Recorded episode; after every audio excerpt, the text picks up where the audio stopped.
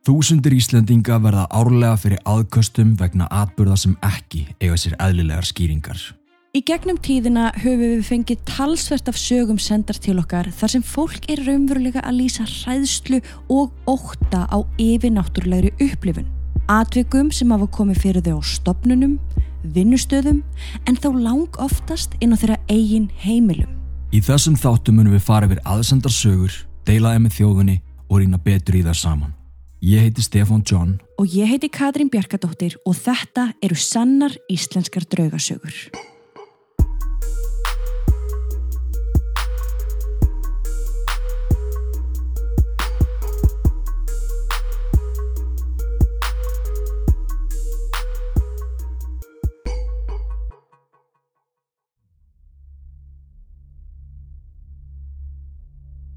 Áður en við byrjum er rétt að taka fram að sögurnar sem teknir eru fyrir í þessum þáttum eru ekki í neittni ákveðni tímaröð sem þar eru sendar okkur, heldur af handahófi. Eftirfarandi sögur eru sannar og koma frá fólki úr öllum stjettum þjóðfélagsins.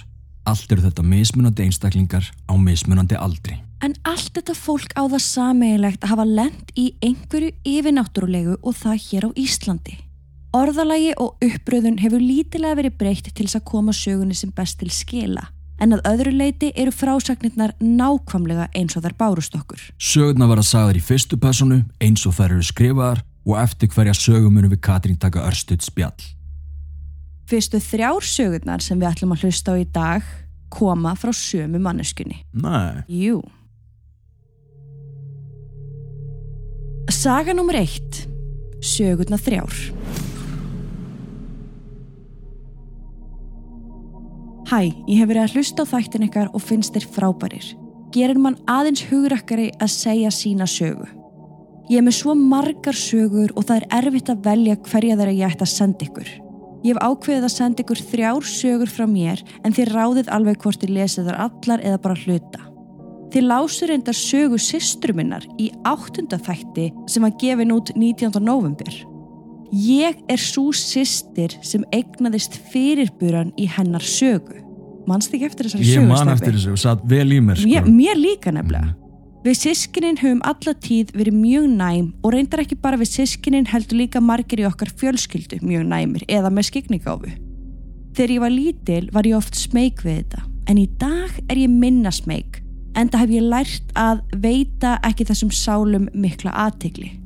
Ég tala um sálir en ekki drauga þegar ég er að útskýra þetta fyrir drengnum mínum hvað hann er að sjá en hann er líka mjög næmur. Ég vil ekki gera hann hrættan. Saga 1. Stert fylgdarlið mömmu.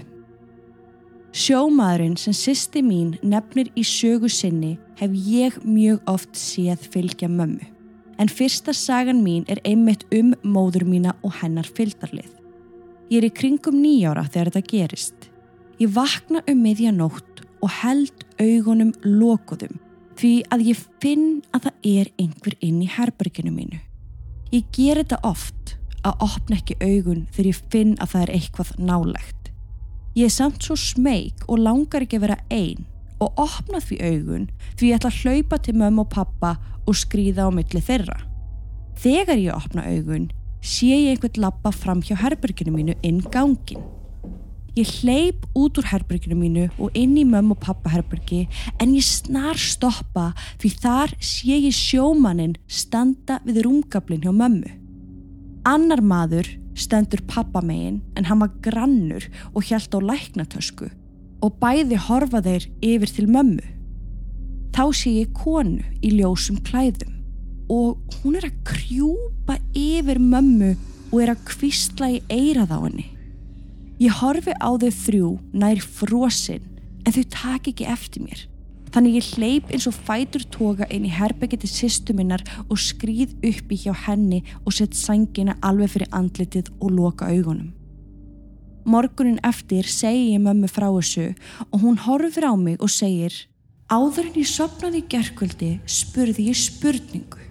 Spurningu sem ég vantaði svo svar yfir og mig vantaði ráð. Ég bað um að mér yrði gefið svarið í draumi og ég fekk svar og ráðleggingu í draumnum mínum í nótt. Ég horfi á mömmu og spurði, Mamma, ætli konan sem ég sá hafi verið að kvísla þér svarið. Mamma segir þá, alveg öruglega. Ég held og efast ekkert um að mamma mín er með mjög stert fylgdalið og hefur pappi minn bæst í hópin en strákurum minn sér hann oft nálagt mömmu. Saga 2. Lasin í útlöndum Fyrir cirka nýju árum síðan þegar ég var í vinnuferð í Indlandi verði rosalega lasin. Ég verð það lasin að ég held að ég myndi ekki komast heim aftur. Ég var vissum að ég myndi deyja þarna á þessum indverska spítala. Ég var mjög hrætt og ég lá í sjúkrarúminu vakandi og snögtandi. Það var dimt inn í herberginu en það seint um kvöld. Ég stari upp í loftið og hugsa til barnana minna heima á Íslandi. Ég vildi svo komast heim aftur til barnana minna og knúsa þau. Allt í einu verður rosalega bjart inn í herberginu og þar stendur pappi minn en hann lést fimm árum áður. Hann er að horfa í áttina til þryggja lækna sem standa þarna við rúmstökkin minn beint á mótonum. Þessir læknar voru að tala við hvern annan og pappi er hugsi. Það er eins og hann væri að býða eftir að fá að tala við þá. Hann horfið síðan til mín og hann sér að ég sé hann. Tárin leka úr augunum mínum og ég kvísla til hans. Pappi, ertu komin til að sækja mig? Pappi brosir til mín og leggur aðra höndina á mig og hristir hausinn. Ég fyrir bara háskæla og allt í einu er allt dimt inn í herberginu aftur. Ég er þarna eini myrkrinu grátandi en ég var ekki lengur hrætt.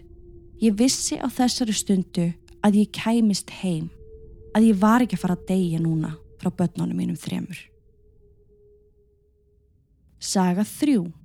Dánarbeð Þó svo að ég sé ung hef ég þurft að hveðja allt of marga sem eru náni mér og í tvö skipti hef ég haldið utanum eitthvað sem er að hveðja þennan heim.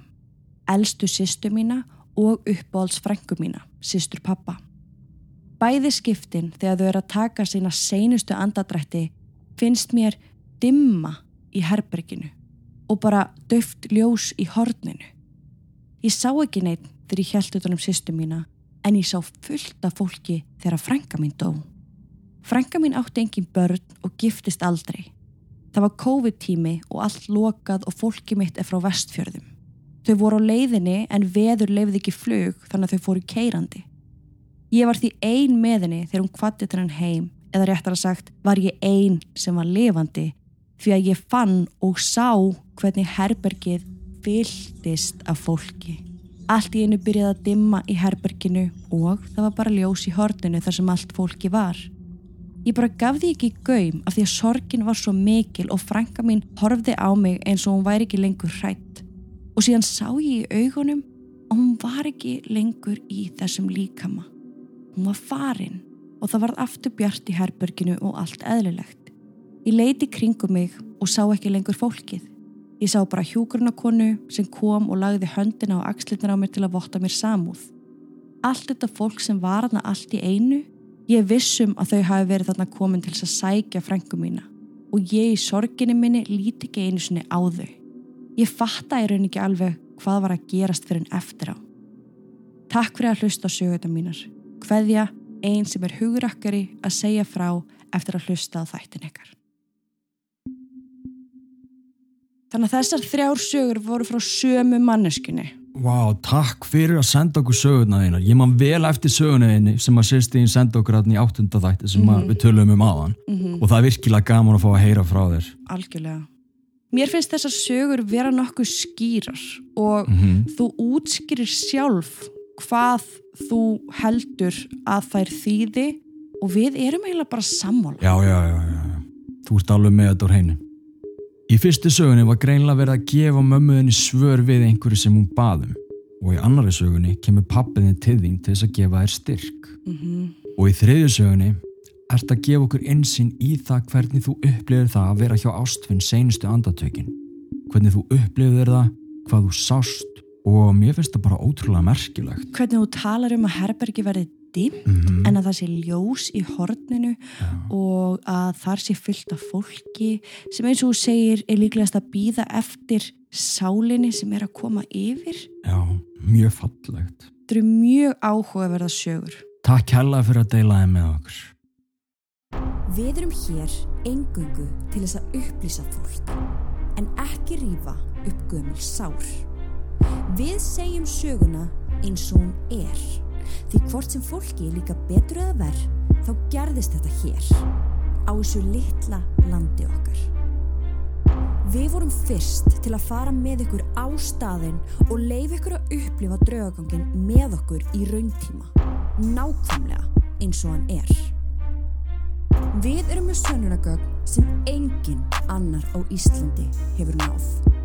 Það er ástæða fyrir því að við erum fremst í flokki þegar að kemur að draugagangi á Íslandi.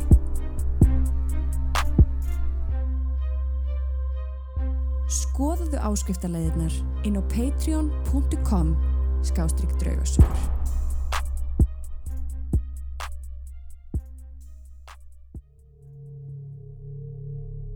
Saga nr. 2 Höndin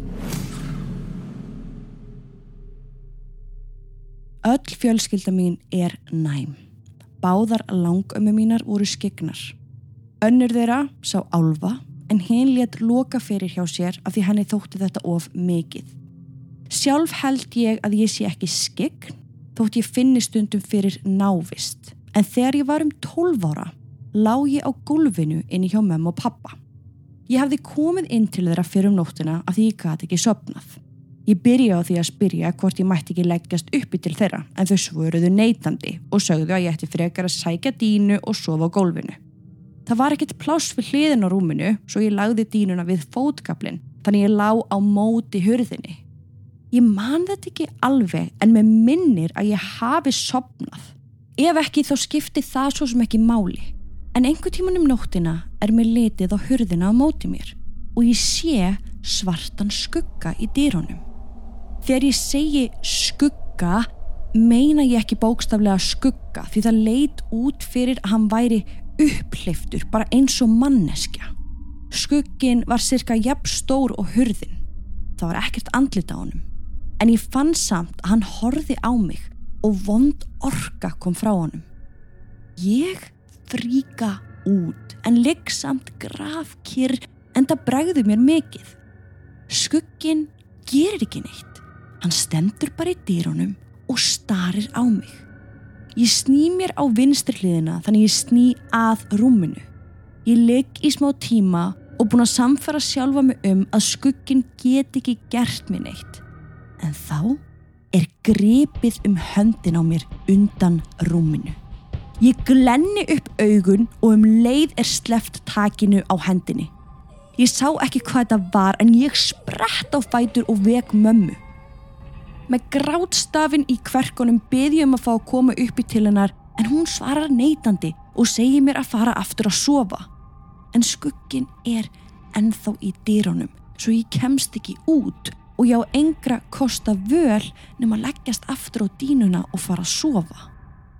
Einhvern veginn sopna ég aftur og vakna ekki fyrir morgunin eftir.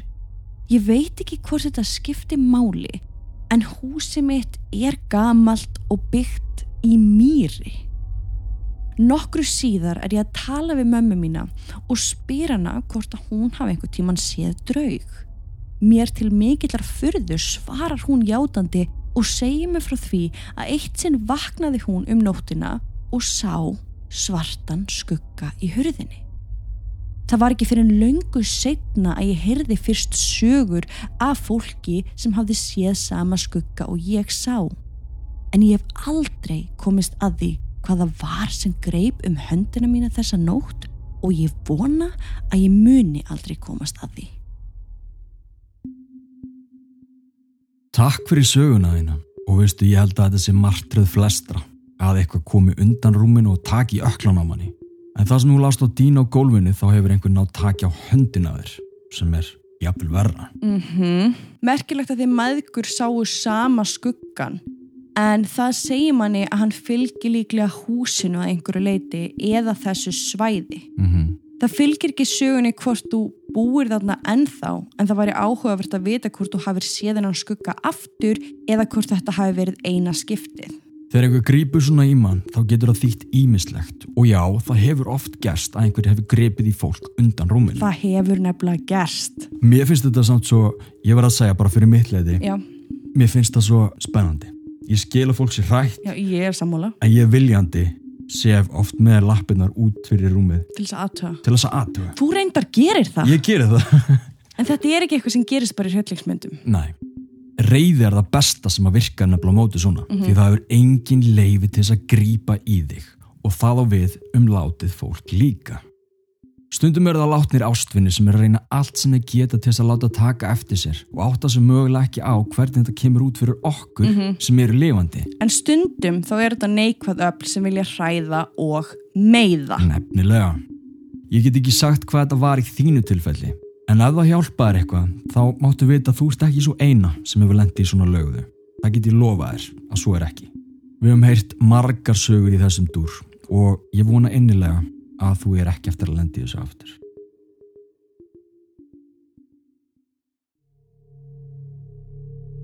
Saga 3.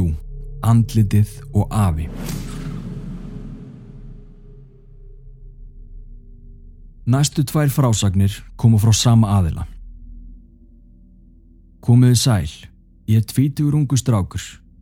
Í minni fyrri tíð trúði ég ekki á drauga eða draugasögur en hafði alltaf einhvern áhuga á því sem ekki rægt að útskýra. En fljótt breytist það. Ég er bara nýbyrjar að hlusta á okkur og þurfti endilega að senda ykkur mína sögur og vill fá ykkar álit. Þegar ég var 10 eða 11 ára þá var ég alltaf sendur út í sveiti frændamins til að vinna og hjálpa til á bænum. Frændi minn var með öll dýr á bænum. Kýr, kindur, hesta, endur og hænur. Ég held mér alltaf við að fara út í fjós og vera í kringum kýrnar og mjólka þær. Þegar þú lappar í fjósið frá íbúðarhúsinu þá lappar þú fram hjá gamla íbúðarhúsinu sem er komið til ára sinna og í dag er þetta verða svona 100 ára gamalt hús. Húsið er á tveimur hæðum, frekar lítið en þótti stórt á sínu tíma. Það snýr í austur og í vestur. Ingangurinn er austameg við húsið og vestur hliðin snýr að sveitaveginum. Beint fyrir ofan er kvistur með einum litlum glugga og allan ringin eru litlir gluggar í allar áttir. Ég fekk alltaf óþægilega tilfinningu þegar ég lappaði fram hjá gamla bænum, eins og einhver var að horfa á mig gegnum gluggan á efrihæðinni, þannig að ég jók hraðan alltaf þegar ég gekk fram hjá. En það sem situr mest í mér er það sem gerðist í skjóli nætur. Herbeggi mitt sem ég gisti í var lítið og glugginn í herberginu snýra norðurhliðin á gamla bænum.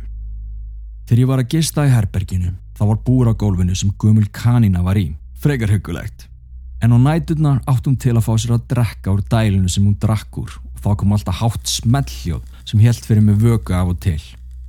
Einan nóttina, rétt eftir miðnætti, þá vaknaði ég við þessa kanínu. Ég stend upp úr rúminu, sný bakinn í gluggan, lappa að henni til að beða hann um að hætta þessum látum. En þegar ég sný mig við, fæ ég hrolli yfir allan líkamann og fröys úr hræðslu. Þegar ég horfði út um gluggan, þá sá ég á efri hæðin í gamla húsinu andlit sem var brosandi og hlæjandi og vinkaði mér hægt og rólega.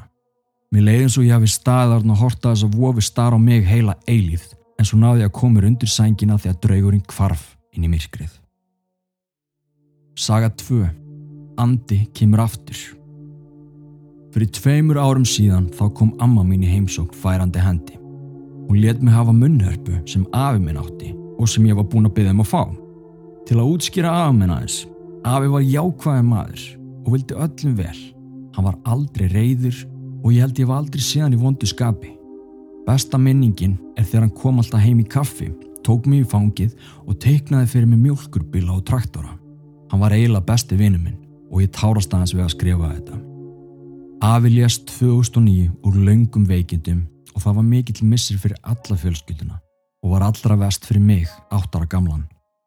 Eftir þann tíma fór ég að glíma við mikil andleg veikindi og var aldrei svo sami. En þá spólum við til 2020 byrjun árs. Ég var í mikilli ástósorg þegar fyrirverandi hætti með mér snemma árið 2019. Það var tími sem ég var mikið einn.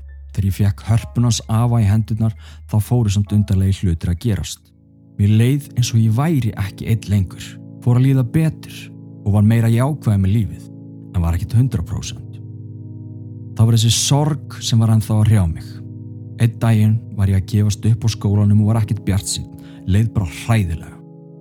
Um nóttina dreymdi mig draum sem let mig alveg trúa á það sem ekki alveg hægt að útskýra. Ég stóði í eldúsinu heima og heyrði hlátur. Afi sati í sætinu sínu með mig lítinn í fanginu. En svo stoppar allt. Þögn. Afi snýr sér að mér og segir Jóhann minn, ég er stoltur af þér í alla staði. Vertu þólumöður. Lífið verður betra. Ég mun fylgja þér alltaf. Treystu mér. Afi stendur upp og tekur utan um mig og segist sakna mín. Ég elska þig afi. Svo vaknaði ég og brast í grát. Horða á náttborðum mitt og þar var harpan hans. Ég tók hann að mér og grét.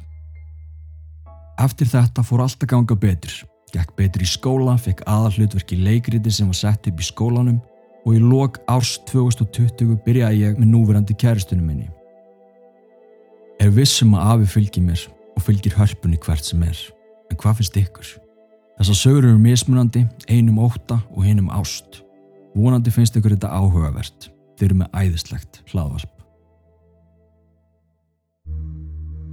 Takk kærlega fyrir sögurna einar og það var greinilega erfitt fyrir það að rifja upp þetta með afaðinn en á sama tíma kannski bara gott. Já, ég vona það. Byrjum á fyrstu sögunu, um gamla húsið. Þú vaknar um nóttina og sérð einhvern brosa, hlæja og vinga þér. Það fylgir ekki sögunni hvort þetta hafi verið andlit sem þú kannadist við. En fyrst þú minnist ekki á það þá ætla ég að gera ráð fyrir því að þú hafið ekki þekkt þetta andlit. Ég er líka svolítið forvitin að vita hvort þú hafi séð þetta aftur og hvort þú hafi spurt einhvern annan hvort að sá aðili hafi líka séð það sam og þú. Mm Líklegast var þarna bara einhver að heilsa þér en þú bregst við eins og venjulegt fólk bregst við öndum. Þú verður hrættur. Þegar við verðum hrætt erum við fljót að finna út hvað það var sem hrætt okkur og þá mögulega að horfa á það neikvæðum augum. Mm En málið er að við erum líka bara hrætt við það óþekta og eðlilegt að finna fyrir hræðslu þegar maður sér andlit í mannlausu húsi.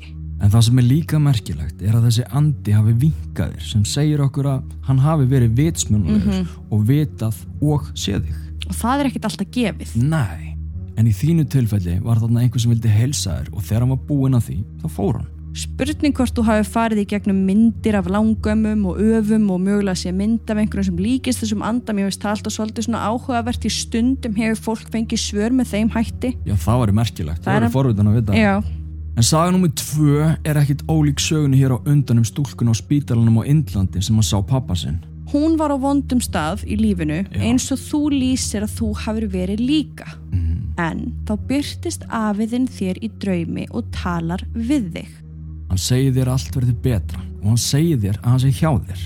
Það er ekki alltaf sem látnir ástfinnir komist í gegn, en það er talið vera auðveldast fyrir þá í draumi og það er nákvæmlega það sem gerðist. Og jú, varandi hörpuna þá á fólk til uh, með að vera náið ákveðnum hlutum í eftirlífinu og eflaust ef þetta var harpa sem hann elskaði þá er alveg líklegt að hann sé tengdur henni á einhvern hátt en ég tel hann vera mun tengdari þér Já. heldur en þeim hlut. Það var greinilega eitthvað samband ykkar á milli sem var sterkara en nokkuð grunar og ég held að þú getur verið nokkuð örugum með það að afiðin sé hjá þér í daglegu lífi. Þú getur meira að segja að prófa að spyrja spurninga og kannski farið svar í draumum. Ef þú beður hann um að vera þér nærri, þá mun hann gera það.